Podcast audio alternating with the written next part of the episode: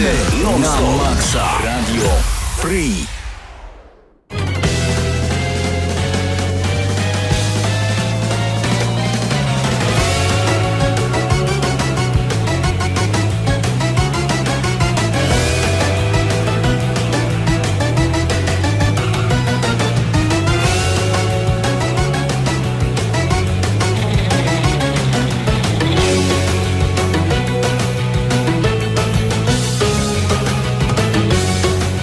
Minęła godzina 21, więc i czas y, na gramy na maksa.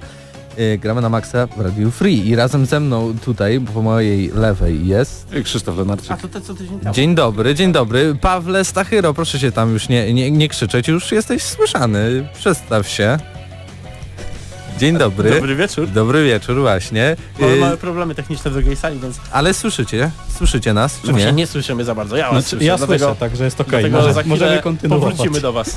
Za chwilę, ale no przedstawcie się, nie? Tutaj Paweł Stachyra, jest też i Patryk. Ciesielka, tak. Patryk. Ciesielka I jest jest i też... Hubert Pomykała, który jest was też nie słyszy, ale będzie Witam bardzo serdecznie. Okazało się, że moje słuchawki odmówiły posłuszeństwa, więc w tym momencie mam nadzieję, że mnie nie przerwiesz. Chciałem się tylko przywitać i zamilknę po prostu na chwilę. Mm, Bardzo, bardzo dobrze, ale ja bym Ciebie prosił, żebyś y, powiedział, co zaraz nas y, czeka. Możesz tu Pa- Pawle Stachyro przekazać, y, bo będziemy mieć teraz już zaraz y, wywiad z twórcą y, gry, twórcą z Lublina. Tak, y, jesteś proszony Hubercie o to, żeby powiedzieć co za chwilę się wydarzy na y, antenie. Oczywiście, oczywiście. A dobrze wiesz co to będzie? Będzie to wywiad. Dostałem właśnie słuchawki, więc przynajmniej słyszę Proszę swój bardzo. głos. I ja twój głos też słyszę bardzo dobrze. Profesjonalizm. E, dzisiaj no, profesjonalizm to nie sprzęt, musisz odróżnić te dwa stwierdzenia. E, dzisiaj w naszym menu, można tak powiedzieć, będziemy mieli przynajmniej dwie recenzje, a być może więcej w zależności od sytuacji, a także rozmowę z Michałem Bernatem, który jest jak to mówi samo studio Shockport Games matką całego projektu Alders Blood. To jest gra, która powstaje tutaj w Lublinie i będzie miała Kickstartera, który rusza jutro w walentynki.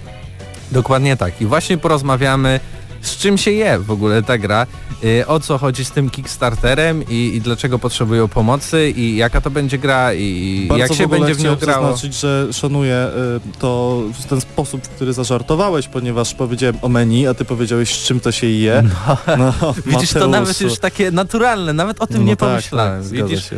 E, tak więc, tak jak wspomniałeś, jeszcze dwie y, recenzje na dzisiejszej audycji. Jedna Powiemy to... już jakie? y, do, ja już Po- zapowiadałem tydzień temu, czyli Hellblade, na naszym Facebooku. Tak, Tak, Hellblade- na maksa, musicie Tak, w Facebooka pisać, tak. Hellblade Senua Sacrifice ode mnie, a od ciebie? I od Mateusza Zdanowicza. Tak. Przede wszystkim Dragon Quest Builders. W wersji na Switcha, bo to gra, która już wyszła na inne platformy w 2016 roku. No i oczywiście porozmawiamy o, o wielu innych y, grach, o naszych wrażeniach y, z, z rozgrywki. Dużo na pewno Mateusz Danowicz z Eurogamera też ograł, więc się podzieli na audycji. Także o naszych marzeniach. O marzeniach to znaczy, też. E, dzisiaj ma premierę spełnienie moich chłopięcych marzeń, gra o tytule Kingdom Come Deliverance. E, I no trzeba kilka słów o niej powiedzieć, bo niektórzy z nas już w nią grali, niektórzy z nas dopiero będą w nią grali. I no jest Czyli- to na pewno y, historia, gra, o której warto opowiedzieć kilka słów. Średniowiecze w 2018 roku w Czechach. To jest właśnie ta gra Kingdom Come. E, tak więc y, mała przerwa muzyczna. Y, tutaj dla Was y, przygotowałem trochę muzyki soundtracka z FIFA 18, a czemu by nie? I, zaraz przejdziemy właśnie y, do... FIFA w ogóle miała zawsze dobre soundtrack. Nie zawsze, ale większość. Ale widzisz, tu jest, tu jest Krzysio. Zapomniałem, kogo mówisz. Przepraszam, Zapomniałeś, Krzysztof, kto z nami nie jest w redakcji, prawda? Dobrze, dobrze, Przej, przejdźmy do tej muzyki, naprawdę, no przejdźmy. No, Przejdźmy, proszę, tak, śmiało.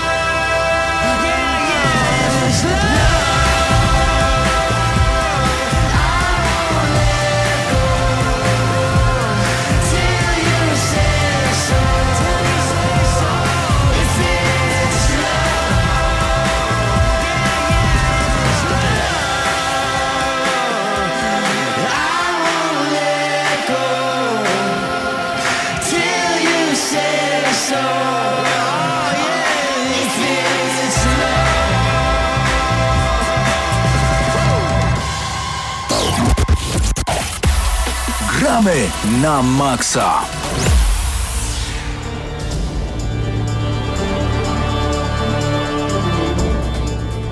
I wgramy na maksa. Czas na specjalny segment. Segment e, gramy na maksa z gościem, nazwijmy go tak. E, ponieważ w studiu mamy właśnie gościa, twórcę gry Alders Blood, gry lubelskiej, gry, która jutro e, jako jakby w formie wsparcia też e, no, pojawi się ten projekt na Kickstarterze. E, tak więc e, proszę Hubercie przejmij tutaj ster, bo wiem, że jesteś e, tam no, bardziej zaznajomiony z tym całym projektem, wiesz o co zapytać, ja tutaj tylko będę pomagał. No proszę Hubercie. No, ale też liczę Antena Mateuszu twoja. na twoją pomoc oczywiście, bo ja trochę wiem, a ty jesteś osobą, która chciałaby się dowiedzieć. Dokładnie tak. Z nami jest Michał Bernat, czyli e, człowiek, który pracuje na co dzień w Shockwork Games Studio, które stacjonuje w Lublinie, ale nie tylko, ponieważ twórca ich muzyki mieszka pod Warszawą na przykład. To tak dla przykładu, a studio pracuje raz na miejscu, raz zdalnie, jak to w indie game devie bywa. I w tym momencie tworzy grę Alders Blood, która nie będę podawał tych trzech tytułów gier. Myślę, że to wyjdzie w praniu, bo to są takie, takie rolling joke'i w tym momencie. Co możesz w ogóle powiedzieć na, e, na temat tego, co tworzysz? Może tak. Możesz mówić wszystko, co chcesz. Mówi wszystko co chcę. No to cześć w ogóle wszystkim. E, Troszeczkę bliżej mik- troszeczkę do bliżej. mikrofonu. A, okej. Super. E, Aldous Blood to jest taka gra taktyczno-strategiczna. Jeżeli ktoś grał w XCOM, to będzie dokładnie wiedział o co chodzi. XCOM to jest pierwsza nazwa. Tak, już popełniłem ten błąd. nie no, to nie jest Nie, nie błąd. będziemy ukrywać e, tutaj inspiracji. To zresztą, jak powiedział pan Golo, czyli twórca pierwszego XCOMa, to już jest gatunek według niego, także można tak to, tak to określać. Zdecydowanie. Co jeszcze mogę powiedzieć? No, stworzyliśmy cie, taki ciężki, dosyć dystopijny świat, mm, pełen takiego konfliktu natury z, z cywilizacją. Tak, Tak, to to, tak to podsumował. podstawowe założenie, tak? Natura i cywilizacja ze sobą walczą. W, wszystko ma miejsce w takich wiktoriańskich realiach, można powiedzieć. E, tak, no tutaj inspirowaliśmy się mocno wiktoriańskim Londynem, jeżeli chodzi o miasto i stroje, to wszystko jest XVII, XVIII, czasem troszeczkę XIX wiek. E, jeżeli ktoś oglądał Braterstwo Wilków, jeden z moich ulubionych filmów, to też będzie się czuł jak w domu tutaj. Niestety nie oglądałem, przykro O, no to polecam. Musisz nadrobić. A ty oglądałeś Mateuszu? Nie, ja, ja też nie. No Ale właśnie. no ja z drugiej strony nie jestem, albo i nawet jestem fanem właśnie takich wiktoriańskich klimatów. E, Szczególnie, ale bardziej w takich grach skradankowych, bo wydaje mi się to jeszcze takie bardziej straszniejsze. Czyli po prostu TIF. TIF. A tutaj będziemy mieć takie połączenie XCOMa, właśnie jak rozumiem, takiej rozgrywki w stylu XCOM.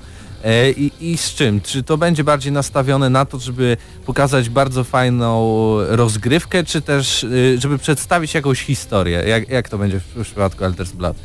No, skupiamy się raczej na rozgrywce tutaj, ale mm, ja jestem wielkim fanem takiego przedstawiania historii w niebezpośredni sposób, nie taki wyreżyserowany i tutaj się staramy coś takiego zrobić. No to ja znowu muszę trochę tytułów użyć, e, ale użyję innego. Dark Ej. Souls. Tak, Dark Souls i Hyper Light Drifter. Tutaj nawet ten drugi chyba jest lepszym przykładem.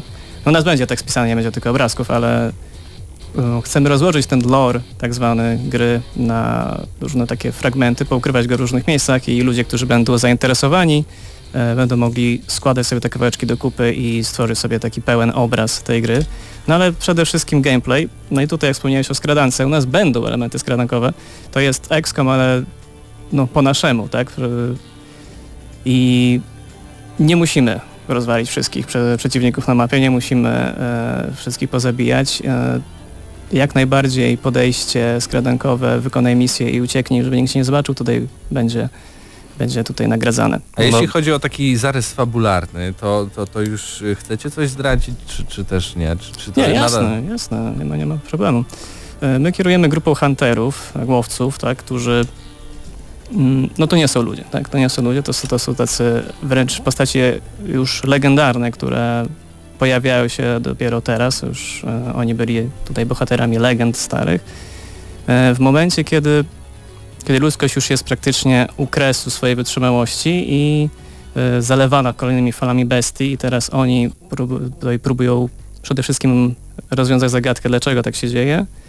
E, Dlaczego ta- ta- ta- ten- bestii się pojawiają? E, Tak, no bo ten, ten balans pomiędzy naturą a człowiekiem, tak, czyli cywilizacją został zachwiany. To nie jest naturalna sytuacja, no i tutaj zadaniem naszych hunterów będzie znalezienie tego źródła, tego, tego, tego konfliktu całego. Tego. A powiedz mi, y, w samym studiu na jakim stanowisku? Jesteś programistą, grafikiem, czy też y, odpowiadasz ogólnie za projekt jako taki, mm, nie wiem, game designer? Będę trzymał palce w powietrzu i będziemy liczyć. Tak, możemy liczyć, bo tak, jestem grafikiem, Raz. Okej, e, raz. to, takim typowym grafikiem, który rysuje. Po drugie jestem takim kimś, kto się ostatnio określa jak, e, jako taki grafik techniczny, czyli ten, który określa ten silnik, my pracujemy w Unity, e, ogarnia pod tym, pod tym kątem. E, No będę tutaj też scenarzystą, reżyserem, project managerem. No takie stanowisko ostatnio się określa jako game director, mi się bardzo to podoba, tak. Mamy Miyazakiego od, od Soulsów i no, w Konami mieliśmy tak e, Współpracujemy, znaczy Zapomniałem. jesteśmy na audycji z reżyserem, jak się z tym czujesz? No to już- Podniośle, To nie że tak To jest- trafne e, określenie. E, Alders Blood, tutaj podałeś tytuły XCOMa, podałeś tytuł Bloodborna. E, graficznie, z racji tego, że to jest 2, 2,5D? 2,5D tak można powiedzieć. 2,5D, tak, czyli mm, rzut izometryczny, a raczej rzut z boku, taki mm, quasi właśnie XCOMowy bym powiedział. E, na pewno kojarzący się też Jagged Alliance chociażby, jeśli jeszcze pamiętacie tego typu grę e, i tego typu serię, no swoją drogą bardzo znaną swego czasu. E, to poza tym wszystko jest rysowane i to jest, Mhm. e, no nie ukrywajmy, element który można w jakiś tam sposób powiązać, jeśli już chcemy powiązać to z Darkest Dungeon, ale z tych grafik, które już udostępniliście, ponieważ macie i Facebooka, i stronę internetową, i waszego Kickstartera będzie można już za chwilę sprawdzać, o ile już nie można sprawdzać, nie jestem pewien, to e, widać w tym jakiś własny wasz sznyt. E, powiedz mi, czy miksując to wszystko, wiedzieliście, że to będzie taką drogę przybierało, czy cały czas napotykacie jakieś nowe elementy, które, nowe pomysły, wdrażacie je, czy po prostu mieliście jakiś tam e, jeden konkretny plan, jedno założenie, które realizujecie, żeby osiągnąć cel? Nie, to nigdy tak nie wygląda. No okej, w porządku, To- to- wszystko to- wychodzi w praniu. Tak, dokładnie, bo zawsze ma się jakoś tam wizję, tylko że problem z wizjami i z wyobrażeniami jest taki, że często nagina kąty. Ja to tak zawsze No. się śmieję, w ten sposób to określam i to, co jest w 2D, bardzo często sobie wyobrażamy było w 3D, a to niestety tak nie działa. Także tak, trzeba się było dopasować, trzeba było tutaj troszeczkę pozmieniać w czasie, w czasie dewelopu, ale mi się wydaje, że wyszło to wszystko na dobre. Gra będzie miała dwie warstwy co najmniej i tutaj mówimy o samej walce taktycznej, czyli takiej wal walce jak w XCOMie, ale też będzie świat gry rozbudowany, kilku, e, kilkudzielnicowy, kil, kilkusferowy, w każdym będzie miasto, a także kryjówka dla naszych postaci. No i będzie też ten element przejmowania kontroli nad poszczególnymi e, obszarami mapy, a także misje poboczne, wysyłanie osób. Jakbyś mógł przybliżyć słuchaczom, na czym to będzie polegało, bo to jest tak jakby ta warstwa strategiczna, bo mówisz od początku, że to jest e, gra taktyczna z elementami strategicznymi. Mhm, tak, tak. No, pomiędzy misjami mamy taki widok właśnie ten strategiczny na, na całą mapę regionu, tak? My nie mamy widoku na cały świat, to, żeby Mhm. to było jasne. To jest tylko wycinek świata w tym konkretnym miejscu, z tym konkretnym miastem e, i obszarami dookoła. Mm, No teraz trosze, troszeczkę ten pomysł się rozwinął. Mm, W tym momencie to miasto, które tam, tam występuje, jeszcze nie mamy takiej nazwy, nie wiem, czy nie zostajemy przy mieście po prostu City. litery, tak, The City. To jest taki twór, taka, taka trzecia siła trochę. Mhm. E, Ono, my nie jesteśmy zarządcami tego miasta, my nie możemy wpływać bezpośrednio na, na decyzje, które tam są podejmowane, my możemy tylko jak takie szare eminencje tego świata inwestować w jakieś budynki, odbudowywać zniszczone infrastruktury, możemy y, wpływać na politykę, bo tam są cztery rody panujące, które mm, no po prostu Mają zarządzają miastem. re- relacje między E, sobą. Tak, i oni, oni, oni tak naprawdę podejmują decyzje, ale my możemy tam jakoś na to wpływać, tak? Możemy się to tę politykę wgłębić i nakierowywać na przykład miasto na to, aby odbijało konkretne regiony, bo miasto też będzie wysyłało swoje militarne tutaj ekspedycje do, do regionów, które chcemy, chcemy podbijać. E, I możemy to wszystko robić, żeby wspierać to miasto w ich działaniach, żeby nam było łatwiej, ale nie musimy, to nie jest nasz cel. Nasz cel jest, e, naszym celem jest znalezienie źródła e, tego problemu, tak, który tutaj e, wystąpił, tak, tego konfliktu cywilizacji z naturą, a nie, nie pomóc tym konkretnym ludziom, tak? Tak Jeśli chodzi o jutrzejsze odpalenie Kickstartera, jaką kwotę zakładacie, ile przewidujecie czasu na ją zebranie, bo rozumiem, że chyba na Kickstarterze trzeba tam określić jakiś konkretny termin tego, Mhm. do kiedy zbiórka się zakończy, no i na co wam te pieniądze potrzebne. No rozumiem, że na, na, na dalszą produkcję gry, ale to też trzeba jakby określić, na jakim etapie już jesteście, a na ile wam trzeba potrze- potrzeba tej pomocy dalej. Mhm. No my w tym momencie tak mamy 20-25% e, skończonej gry. Chcemy uzbierać 60 tysięcy dolarów na Kickstarterze. Mm, Na co nam te pieniądze potrzebne? No przede wszystkim na to, żeby ten projekt nie umarł. Tak, żeby bo jesteśmy, no jesteśmy teraz indie całkowicie, nie mamy, nie mamy wydawcy, nie mamy finansowania. E, To jest raz, a dwa, żeby zatrudnić ludzi, którzy nam pomogą tutaj e, przy produkcji, przede wszystkim profesjonalnego animatora, bo teraz ja animuję te postacie, no i mogło być lepiej. E, Przydałby się też pisarz, tak, native speaker, który by poprawił gramatykę, pisownię mm, tych wszystkich tekstów, bo tego będzie dużo, tego lore jednak tam, tam trochę będzie. No my planujemy wydać grę w pierwszym kwartale 2019 roku, czyli to jest no, praktycznie rok jeszcze, jeszcze dewelopu, no na to te pieniążki nam potrzebne są. Mm, tak więc całkiem szybko bym powiedział. E, i, I w sumie kibicuję, no bo często jest tak, że e, no mam nadzieję, że to się w ogóle uda, bo często jest tak właśnie, że e, niektóre studia zaczynają zbierać i później okazuje się, a jeszcze mam tyle pomysłów, prawda, i, i jeszcze nam potrzeba pieniędzy i tak dalej, i tak dalej. Wiemy jak jest ze Star Citizen, produkcja, która tylko zbiera pieniądze, a czy kiedykolwiek się pojawi, to, to, to nie wiem, no ale na pewno w Was wierzę. Jeśli chcecie wspierać Elder Właśnie tutaj chciałem to, zadać to, pytanie. to proszę. Michale, tak zupełnie personalnie, z, po, z poczucia serca, z, powiedzmy z twoich trzewi, y, jakbyś miał zachęcić swojego kolegę albo kogoś do tego, żeby wpłacił pieniądze na ten projekt, to co byś mu powiedział? Mm, co bym powiedział? Jeżeli grałeś dużo w Excoma i naprawdę cię już wkurzało to podejście, które ma już, nie wiem, 20 lat, kiedy strzelasz Systemy RNG. Jeden tak, dokładnie strzelasz to. z Bo jednego nie metra nie powiedziałem, to, to jest istotne, dokładnie. 80% szansy na trafienie i nie trafiasz, tak? I grasz kolejną inkarnację tej gry i to już naprawdę masz tego serdecznie dość. No to może wesprzyj coś, co próbuje chociaż zrobić to inaczej, ciekawiej i przyjemniej dla gracza. Powiedz jeszcze, gdzie mm, słuchacze mogą was znaleźć i gdzie występujecie. Strona internetowa aldersblad.com. Tak, Poza przede tym? wszystkim. Przede wszystkim Facebook, e, Facebook, Twitter, Instagram, chyba wszystkie social media, także wpisujcie Aldersblad i I coś Kickstarter startuje jutro. Kickstarter to startuje o 15 czasu polskiego. Można wpłacać pieniążki. Jeśli będziecie mieli... wdzięczni. Przepraszam, jeśli y, tylko, tylko dodam, jeśli będziecie mieli jakiś tam problem z tym, że znalezienie Elder's Blood wpisanie, to chyba na naszym y, fanpage'u pojawił się post i jest oznaczony, więc możecie I studio też. Jest kliknąć. tam również zdjęcie Michała. Dzięki Wszystko się zgadza. Wszystko się zgadza. E, tak więc no, ja, ja życzę powodzenia, tym bardziej warto Tak. wspierać. E, jesteśmy w lokalnym radiu, lokalną grę. E, grę, grę z, z Lublina, więc to lokalny patriotyzm powinien tutaj Lubelacy u, dla lubelaków. e, uderzyć w, w serduszka wszystkich e, słuchaczy i wszystkich graczy z Lubelszczyzny. Dodajmy jeszcze z racji tego, że jesteśmy w radiu, bo to jest taka ciekawostka. Jeśli znacie zespół Ties from Nebula, Adam Waleszyński, gitarzysta tego zespołu, robi muzykę do Altersplat. Mhm. I robi dobrą muzykę. Tak, i robi dobrą muzykę. Ja znam, ja znam i potwierdzam, bardzo dobra muzyka.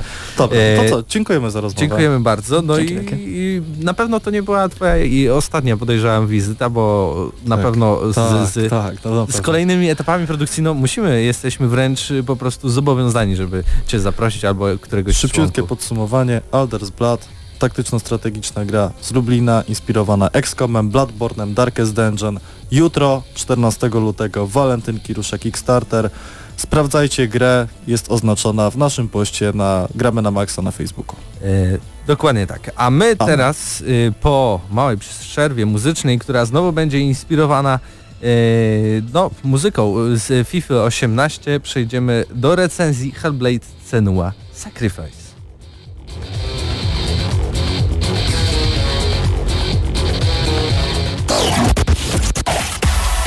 Gramy na maksa.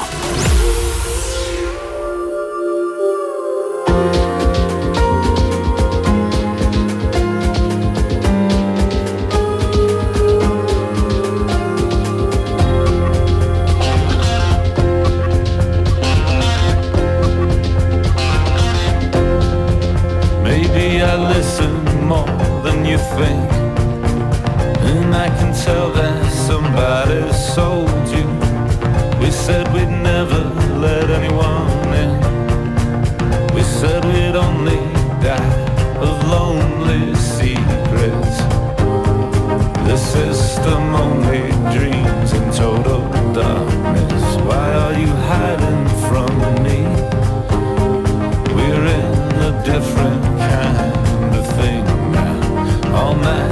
talking to God.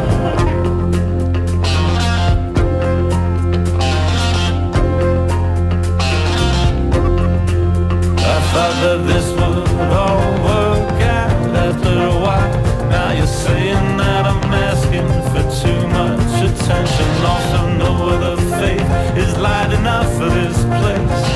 We said we'd only die.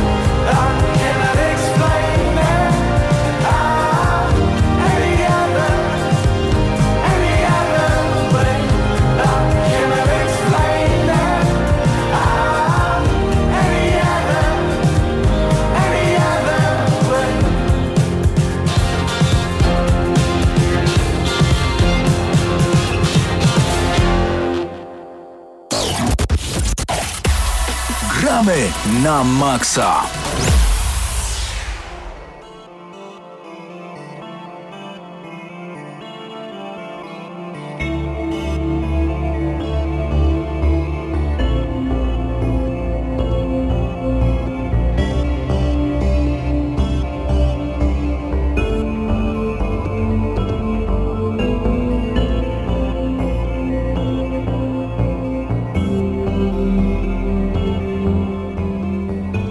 Czasem tak bywa, że recenzujemy grę na ponad pół roku po premierze, a to jest gra, w którą chciałem zagrać od momentu, kiedy o niej usłyszałem i jeszcze nie miałem okazji, natomiast ty już tę grę ukończyłeś. Hellblade Senua's Sacrifice. Dokładnie tak. Gra pojawiła się, tak jak wspomniałeś, prawie dosłownie Wakacje. y, pół roku 8 temu, sierpnia. 8 sierpnia y, na PC i, i na PlayStation 4.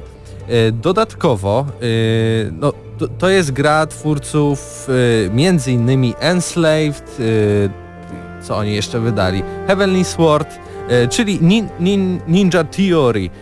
Hellblade Senua Sacrifice to taka gra akcji, opowieść, gra trochę na szynach też bym powiedział, ale z drugiej strony to też jakieś w pewnym stopniu przeżycie takie Ja się spotkałem z określeniem, że to jest gra na jeden raz, ale za to jaki. Mm, Dokładnie tak, bo raczej przechodząc y, Hellblade'a drugi raz można mieć wrażenie e, nie wiem, takiej strasznej powtarzalności, bo w tej grze niczego więcej nie, nie znajdziemy, ale za to ten pierwszy raz, który, który jest tak naprawdę na około 8, nawet do 9 godzin, w zależności tego jak nam będzie szło, no jest y, niesamowity i wywiera na, na człowieku niesamowite wrażenie. W Hellblade'zie wcielamy się w celtycką wojowniczkę Senuę, która podróżuje e, do, jakby powiedzieć, no, no nordyckiego piekła Hel. E, Spotykamy tam e, i nordwy, nordyckich bogów, e, nordyckie mity, nordyckie opowieści. E, I to wszystko po to, bo nasza Senua zakochała się kiedyś y, w, w pewnym człowieku y, i ten człowiek nie żyje, a my musimy odkupić jakby no jego duszę w, te, w ten sposób to ujmijmy i żeby on mógł jakby tak naprawdę w spokoju odejść y, z tego świata, świata te, te, tego nor, świata yy, nordyckiej mitologii, ale może wracając do tego, czym jest jak się gra e, w Hellblade, zaczniemy od y, samego wejścia. Ta gra się rozpoczyna dosłownie jak film. Płyniemy sobie łódką, nie ma żadnych wskazówek tego, jak mamy się poruszać, które przyciski na padzie e, odpowiadają za konkretne ruchy. Tutaj wszystkiego musimy się domyślić i to robić na taki y, intuicyjny sposób, bo oczywiście samo sterowanie, tak jak w większości grach, opiera się na analogach, jednym się rozglądamy, jednym się poruszamy. Jak zazwyczaj jest X-em, na przykład mamy lekkie uderzenie, kwadratem mocniejsze, kółkiem możemy zrobić, czy tam e, kwadratem unik, gdy przytrzymamy jeden trigger, to mamy jakieś dodatkowe umiejętności, ale to wszystko musimy rozpracować i to też jest bardzo fajny proces, bo sprawia, że w tą grę tak wsiąkamy jako, jako ta senua. Ale oprócz tego w tej grze dzieje się wiele więcej niż y, nasza główna bohaterka, bo wokół słyszymy głosy. Słyszymy głosy jakby w głowie Senui. W sensie Można gra mieć- rozgrywa się tak jakby na dwóch różnych sferach, tak? Oprócz tego, co dzieje się dookoła nas, typu uderz kogoś, coś tam zabierz, gra jeszcze toczy się w głowie głównej bohaterki, ponieważ ktoś do nas mówi i to są głosy z naszej głowy. Tak, i to są głosy, które zarazem mówią, żebyś coś zrobił albo nie zrobił. Pomagają ci w tym wszystkim. Nawet, to jest ciekawe, bo e, e, w trakcie walki one podpowiadają ci, że na przykład ktoś za tobą stoi i właśnie będzie atak i dzięki temu możesz skorzystać z tego. Ale z drugiej strony też często e, mogą się pojawić takie głosy, które cię tylko zmylą w tym wszystkim. A, a, a po trzecie jeszcze nasza obecność, czyli jako gracza, można odbierać jako taki trzeci głos, bo tak naprawdę mimo, że kontrolujemy tą scenuę, to też można powiedzieć, że w taki bardziej sposób jako, jako ta, ta taka inna, inna moc wpływająca na naszą bohaterkę. To jest bardzo ciekawe doświadczenie, które można właśnie porównać i tu uwaga, choroby psychicznej, bo y, twórcy studio Ninja, Ninja Theory właśnie tworząc Hellblade y, Senua Sacrifice jakby inspirowali się y, przeżyciami osób, które mają chorobę psychiczną, y, które mają problemy z osobowością, które mają problemy z depresją, mają próby samobójcze. To, to wszystko tutaj znajdziemy.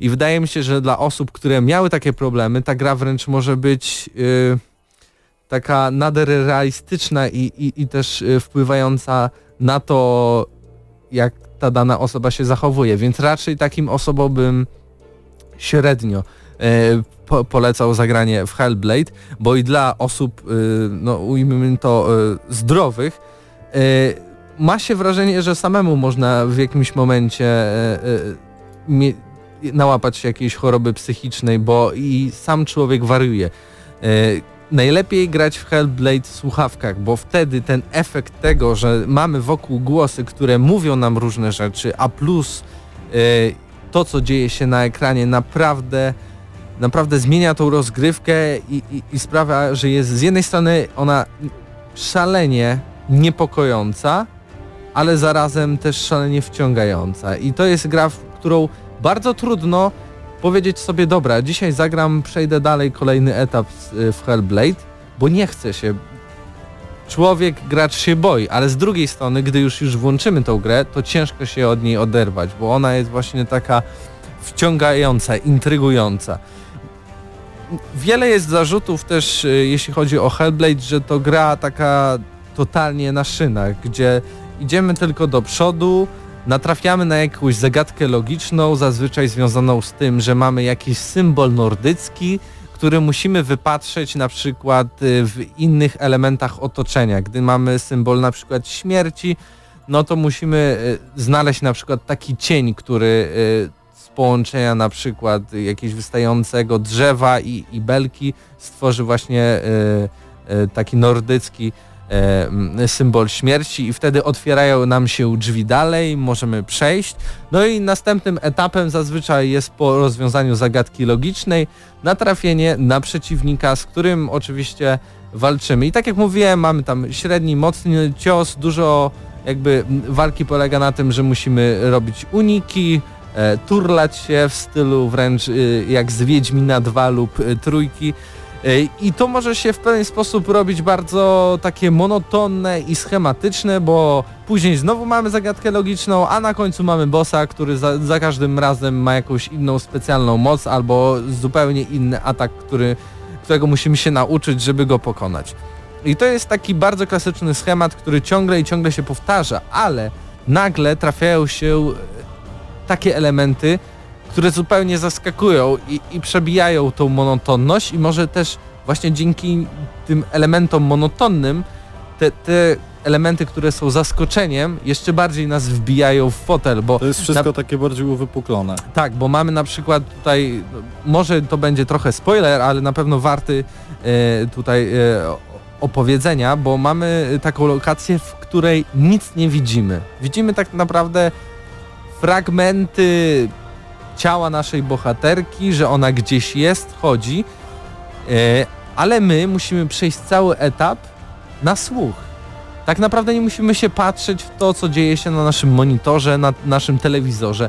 Musimy słuchać, skąd dobiegają głosy, skąd dobiega szum wiatru i przy, przy okazji musimy też e, uważać na przeciwników, którzy, których też słyszymy, na, na te potwory, które wokół chodzą, bo jeśli oczywiście na jakiegoś trafimy, no to w takiej ciemności raczej nic na to nie poradzimy i, i, i, i umrzemy. A jeśli chodzi o umieranie, to w Hellblade to zostało bardzo ciekawie rozwiązane, bo tutaj e, jakby jest pewna otchłań, czyli to, co nas jakby nabawiło nas tej choroby, takiej, że...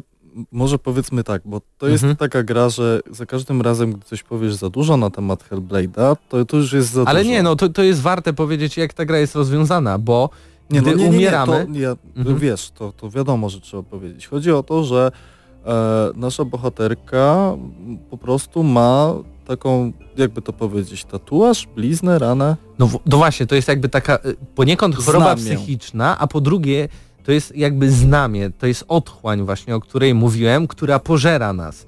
I im więcej będzie nas pożerała, czyli im więcej będziemy mieli śmierci, Śladów na skórze po to, prostu. to wtedy ona nam się powiększa jak tatuaż po ręce i gdy dojdzie do serca, całą grę musimy zacząć zupełnie od początku. Nie to, że od konkretnego jakiegoś momentu. Zupełnie zaczynamy od początku. Oczywiście to nie jest tak, że po kilku śmierciach nagle nas ta otchłań pochłonie i będziemy musieli grę zacząć od początku. Nie, nie, nie. To jest tak odpowiednio jakby mm, zbalansowane, że w sumie całkiem trudno jest na przykład, e, żeby nas otchłań pochłonęła, a, ale, ale jest y, takie ryzyko i, i to ryzyko jest bardzo fajnie, bo, fajne, bo właśnie tak nastraja do tego, żeby być uważnym, uważać na to, co się robi, y, czego się słucha i jak się rozwiązuje te zagadki i pokonuje kolejnych bossów. Tak więc Hellblade to, to, to gra, która była w wielu topkach 2017 roku i wcale się nie dziwię. Przede wszystkim jako zaskoczenie roku.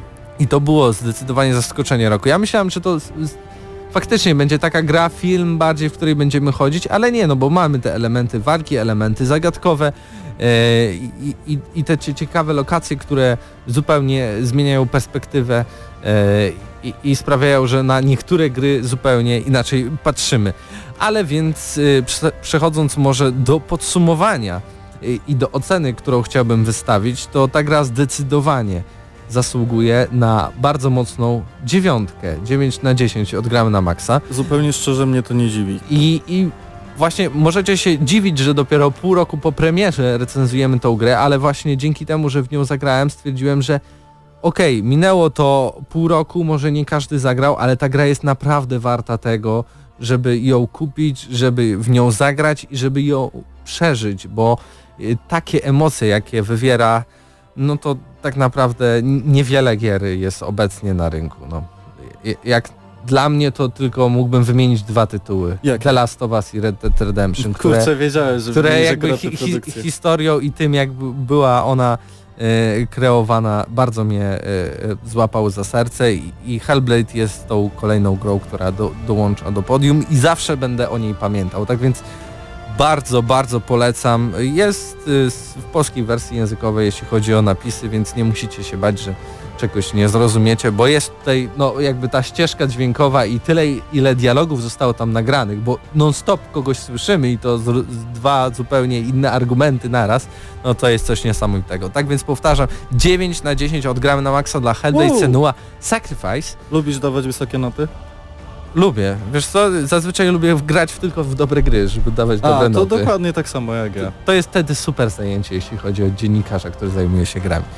tak więc 9 na 10 odgramy na maksa e, i my przechodzimy do następnego segmentu e, tej audycji, czyli do kolejnej recenzji, która będzie... Recenzją Dragon Quest Builders, ale dzisiaj się nagadam. A to mam nadzieję, że Mateusz Zdanowicz tym razem powie Pom- pomoże więcej. Ci i, i Tak. powie. Tak więc no zapraszamy.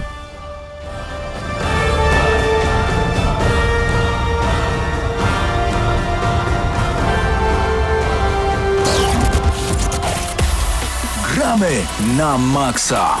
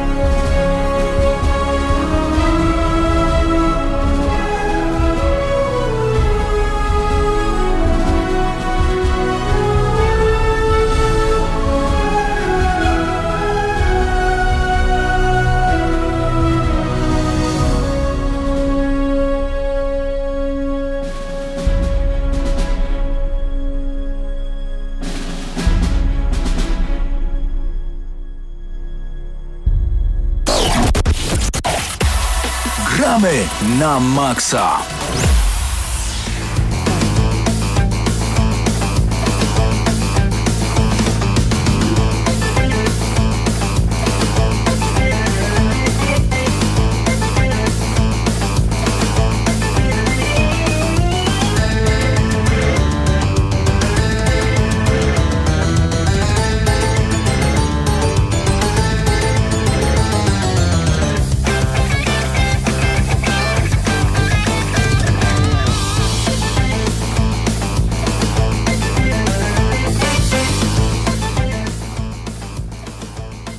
I była taka gra, która miała premierę bodajże dwa lata temu. Tak w jest, jesienią. 2016 roku, Mhm. jesienią. Dragon Quest Builders. I wyszła ostatnio na Switcha. Dostaliśmy kopię recenzencką od e, Conquest Entertainment. Bardzo dziękujemy. Pozdrawiamy Czechy, bo tam właśnie mieści się Conquest Entertainment. Tak jest. I graliśmy obaj na Switchu. Akurat to jest muzyka z Crasha Bandicoota, ale... Ale pasuje w sumie, nie? Takim tak, ale klimatem Dragon Quest jest lekkim. trochę, tro, trochę, mam wrażenie, spokojniejszy. Chociaż zależy kiedy. No właśnie, zależy kiedy. Na początku jest bardzo spokojny, bo rozkręca się powoli, ale zacznijmy od tego, czym w ogóle jest Dragon Quest Builders. Wyobraźcie sobie Minecrafta. Minecrafta, Lego Worlds i Dragon Questa. Dragon Questa, No. tę słynną serię japońskich RPGów, które są rysowane przez Akira Toriyamę, czyli przez twórcę Dragon Balla. Znaczy to, to jest takie założenie Dragon Questów, że, że te postacie zostały Są w tym stylu. E, tak, zostały stworzone w tym stylu. No i to, to są takie bardzo znane RPG, oczywiście w Japonii, no w Polsce tylko wśród tych, którzy się obracają w pewnych kręgach. E, bardzo długie, na, zazwyczaj na 100 godzin i Dragon Quest Builders to też jest gra, która się pod pewnymi względami nigdy nie skończy.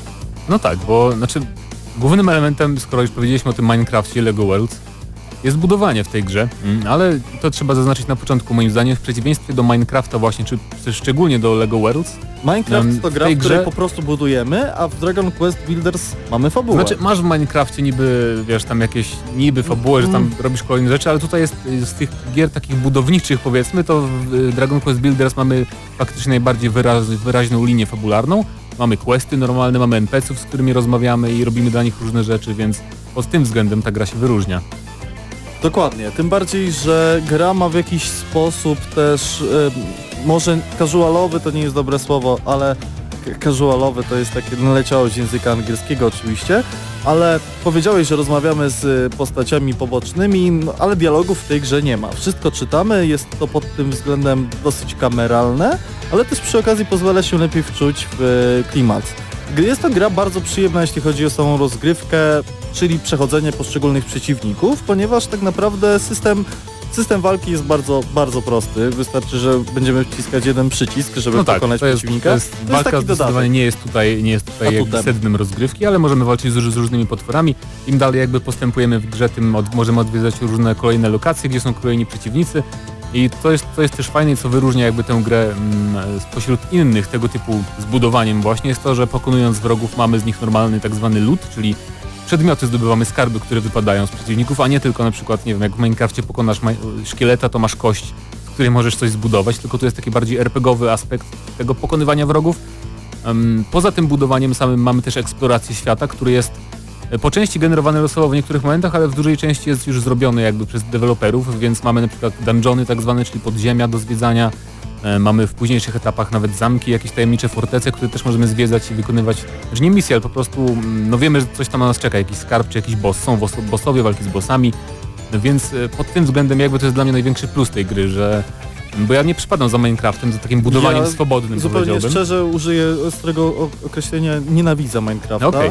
Lego Worlds Mocno. już mi się nawet podobało, w sensie pograłem w tę grę jakieś 11 godzin celem zrecenzowania i nie żałuję tych 11 godzin, natomiast Dragon Quest Builders to jest produkcja, która chyba najbardziej przykuwa pod tym względem takiego gracza jak mnie, szczególnie w wersji na Nintendo Switch, kiedy budowanie albo, nie wiem, lepienie, czy po prostu tworzenie przedmiotów mogę zabrać ze sobą do łóżka leżąc na plecach i grać po prostu No to w prawda. formie przenośnej. I a propos Switcha też powiedzmy, że mnie to zaskoczyło, że ta gra działa prak- praktycznie tak jak na PS4 działała. Nie ma Mhm. żadnych zauważalnych spadków, jeżeli chodzi o I nie płynność. jest wcale brzydsza. Nie jest brzydsza, tak. Chociaż to już no mówimy, ma dwa lata ta gra jakoś, ale no i tak e, jest miłym zaskoczeniem, że nie ma żadnego tak zwanego downgrade'u, czyli to nie wygląda gorzej. I jeżeli chodzi o samo budowanie, bo o tym powiedzieliśmy, że jest, ale jeszcze nie powiedzieliśmy jak to konkretnie wygląda, e, dosyć podobnie właśnie do Minecrafta, czyli zdobywamy zasoby na przykład niszcząc konkretne rzeczy, niszcząc ziemię, zdobywamy fragmenty ziemi, które możemy potem stawiać jako klocki, bo to wszystko też nie powiedzieliśmy chyba, że to Wszystko się klocki. składa z sześcianów. tak, Wszystko się z składa po sześcianów budujemy rzeczy. z Ale poza tym możemy też budować przedmioty konkretne, czyli na przykład, nie wiem, no łóżko, pochodnie, broń, ekwipunek jakiś tam e, przy specjalnym stanowisku do craftingu właśnie.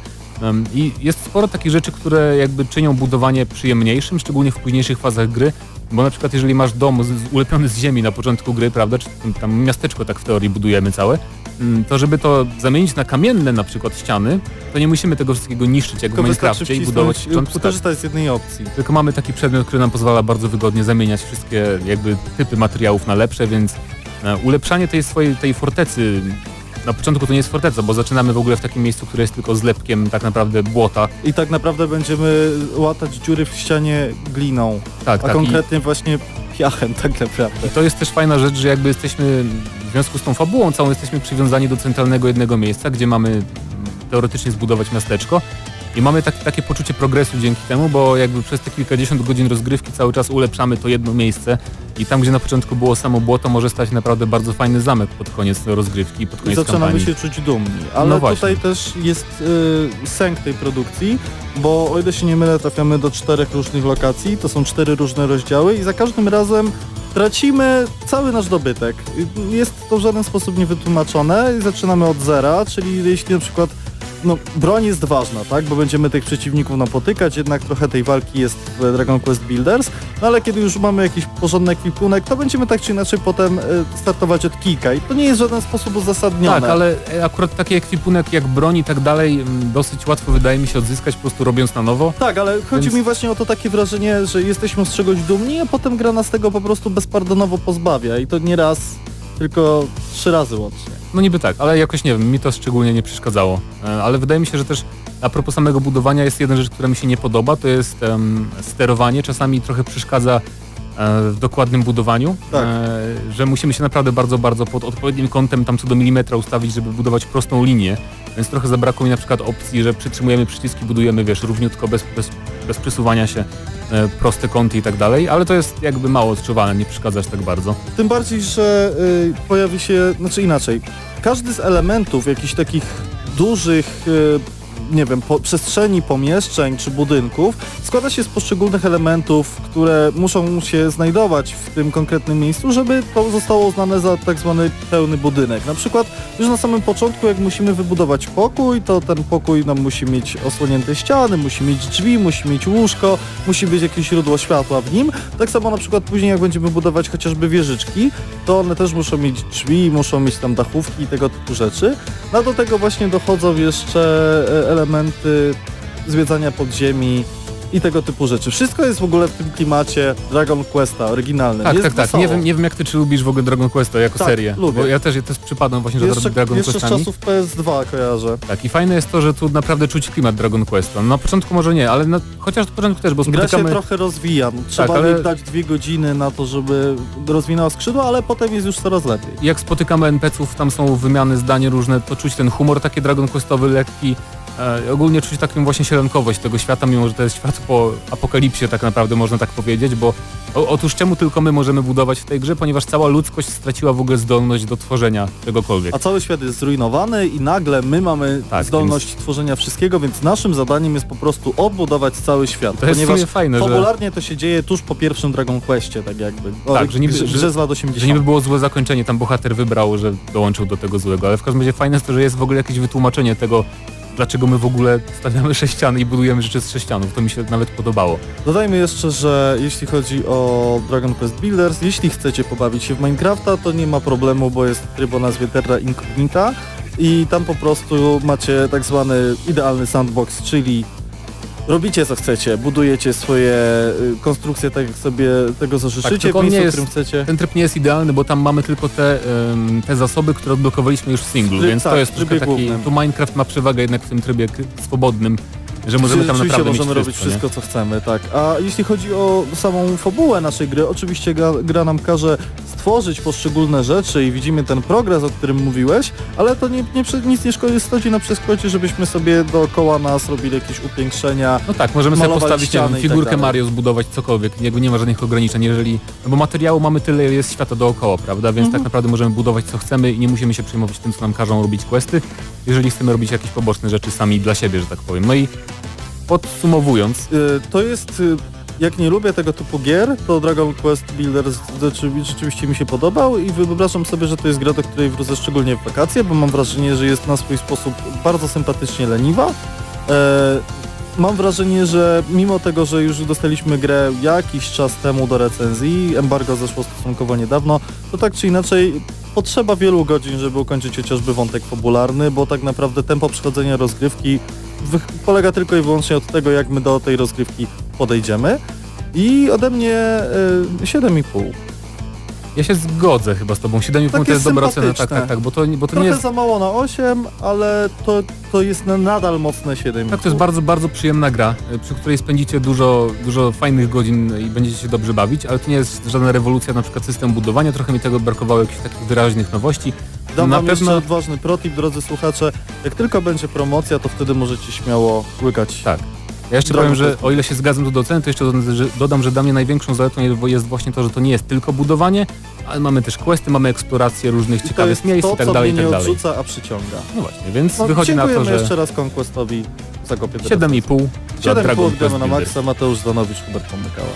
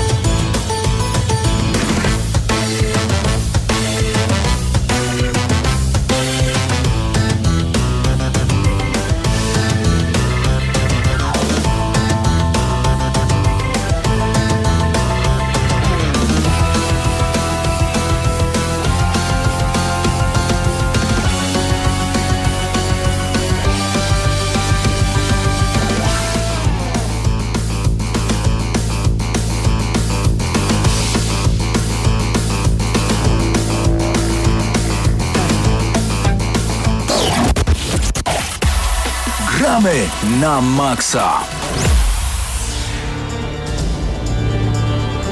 No i wracamy panowie do Gramy na Maxa na ostatnie 5 minut w dzisiejszej obecno-tygodniowej audycji. E, Krzyśku, chciałeś porozmawiać trochę o Kingdom Come Tak, o Deliverance. temacie tygodnia, właściwie o premierze tego tygodnia. Ym, Ja z racji tego, że no nie otrzymaliśmy jeszcze kopii do recenzji, nie grałem w tę grę, więc mam jakieś wyobrażenie o niej, trochę poczytałem y, negatywnych, pozytywnych wrażeń. Natomiast e, Paweł siedzący za szybą e, w grę, w grę już e, grał, zakupił ją sobie i jakieś tam wrażenia na temat tej gry ma. Ja chciałem tylko zapytać to, co jest dla mnie najważniejsze, czy faktycznie na PC-tach jest tak źle, jak wszyscy piszą, to znaczy, czy no, gra chrupie, ma bugi i tak dalej, natomiast w każdym, innym, a, w każdym innym aspekcie ta gra doskonale się sprawdza i to e, pytanie kieruję oczywiście do Ciebie, Pawle. No więc tak, przede wszystkim e, dla wszystkich zainteresowanych e, dowiedzemy się czegoś na temat e, Kingdom Come, zanim zrecenzujemy go za jakieś A, dwa tygodnie. No. Zapraszam na, PS, e, na GNM Plusa. Tam troszeczkę pogadaliśmy z e, Mateuszem Zdanowiczem, który też już e, ograł troszeczkę tą grę. Natomiast jeżeli chodzi o twoje pytanie, Krzysiu, e, na pewno nie jest tak źle jak na PlayStation, bo słyszałem, że na PlayStation to już od kogoś, kto grał na PlayStation mamy tam około 15 klatek i się świetnie bawimy. Natomiast na PC-tach, jeżeli chodzi o optymalizację, nie jest tak okropnie na niższych ustawieniach graficznych i średnich. Mm, szczególnie jeżeli zmniejszymy trochę zasięg e, widzenia. Tego co, co widzimy to e, zdecydowanie poprawia się mm, płynność rozgrywki. Natomiast mnóstwo jest bugów, glitchy i innego, innych tego typu problemów. E, nie tylko graficznych, nie tylko jakichś takich fizycznych powiedziałbym, że tutaj ktoś skacze, ktoś klipuje, ale też związanych z AI, a także no, zdarzają się crashe, co w grze, gdzie mamy savey bardzo ograniczone, bo tylko kiedy śpimy lub pijemy alkohol, e, no może oznaczać, że stracimy dużą część rozgrywki e, ze względu na, na takiego crasha. Przyszedłeś do szczegółów, ale skoro najważniejsza kwestia dotycząca tej gry, czyli najbardziej kontrowersyjna i wzbudzająca to, o czym portale growe piszą, to chciałem zapytać, czym tak naprawdę Kingdom Come Deliverance jest, bo no, z tego co przynajmniej mi wiadomo, no to jest to mm, RPG w średniowieczu bez magii, z dość ciekawą fabułą rozbudowaną, z wieloma różnymi sandboxowymi elementami, aczkolwiek nie do końca sandboxową rozgrywką, więc No mówiłeś, że już po kilku godzinach gry jesteś to trochę skrót słuchaczom, czym e, tak naprawdę premiera tygodnia jest. Tak, to jest e, nowa gra e, twórcy między innymi mm, Mafii pierwszej, studia twórcy tejże gry. Mm, I jest to taki RPG właśnie w widoku z pierwszej osoby, który można, którego można określić takim właśnie niefantastycznym, niefantastyczną i hardkorową wersją powiedzmy Elder Scrollsów trochę ciężko powiedzieć, ale to czegoś, taki klasycz, tym- klasyczne średniowiecze, prawda? Nie mamy tutaj Tak, żadnych mamy- smoków ani mamy- magii. Mamy za to e, historyczne realia, tutaj 1404 trzeci rok e, w, na, w Czechach. E, jest to e, jakby lądujemy, jesteśmy synem Kowala, który mm, obserwuje, jakby z jego, z jego punktu widzenia obserwujemy wydarzenia, które naprawdę rozgrywały się w, wtedy, w, to nie była Republika Czeska, w Królestwie e. Morawskim, tak? O, no Po- Powiedzmy, że chyba cze- no nie jestem pewien, jak była oficjalna nomenklatura, natomiast e, jakby widzimy ten konflikt z perspektywy takiego kmiotka, awansujemy troszeczkę spo, e, społecznie, e, no i jest to taki RPG, jak już wspomniałem, taki dosyć hardkorowy, ale też z takimi elementami jakby, jakby survivalu. Mamy e, między innymi system żywności bardzo ciekawy, gdzie może żywność się zepsuć i my to odczujemy, możemy się przejeść, czego raczej w grach nie ma. Zazwyczaj po prostu trzeba się najeść, tutaj możemy się przejeść. E, alkohol działa na nas troszeczkę tak jak w prawdziwym świecie, to znaczy uderza po jakimś czasie i z zaskoczenia. E, walka z więcej niż jednym przeciwnikiem może być wielkim wyzwaniem, co więcej zostawi nas w podartych i zepsutych ciuchach, przez co ludzie, którzy e, dbają o to, z kim jakby przebywają, tak, jak, jak jacyś szlachcice i tak dalej, nie będą chcieli z nami wymienić nawet jednego słowa, ponieważ będziemy jakimś brudnym obdarcusem, no to gra ma naprawdę mnóstwo takich fajnych szczególików. Ale o tym więcej Za tydzień, Za- za tydzień. za tydzień tak. za- więcej za tydzień i zostawimy Was z pytaniem otwartym na temat Kingdom Come Deliverance. Czy za kilka lat lub miesięcy ta gra będzie oceniona jako wspaniały tytuł lub tylko niedoceniona perełka jak gra, gry z serii Stalker i tak dalej, bo myślę, że e, przynajmniej w moim wypadku gra zasługuje na jak największą uwagę, ale o tym więcej za tydzień. Za tydzień, a właśnie jeśli chcecie zostawić taki komentarz, to zapraszam na naszą grupę na Facebooku Gramy na Maxa Hyde Park i na nasz y, fanpage Gramy na Maxa. E, Tak więc to był kolejny odcinek audycji o grach, o grach wideo, o technologii, gramy na Maxa.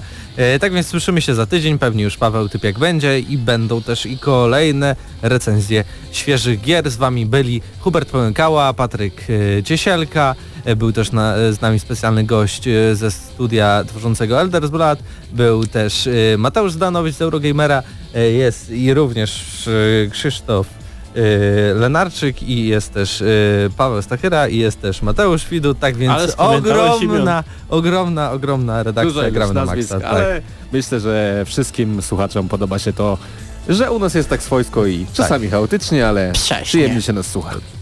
tak więc do usłyszenia za tydzień. Cześć! Cześć!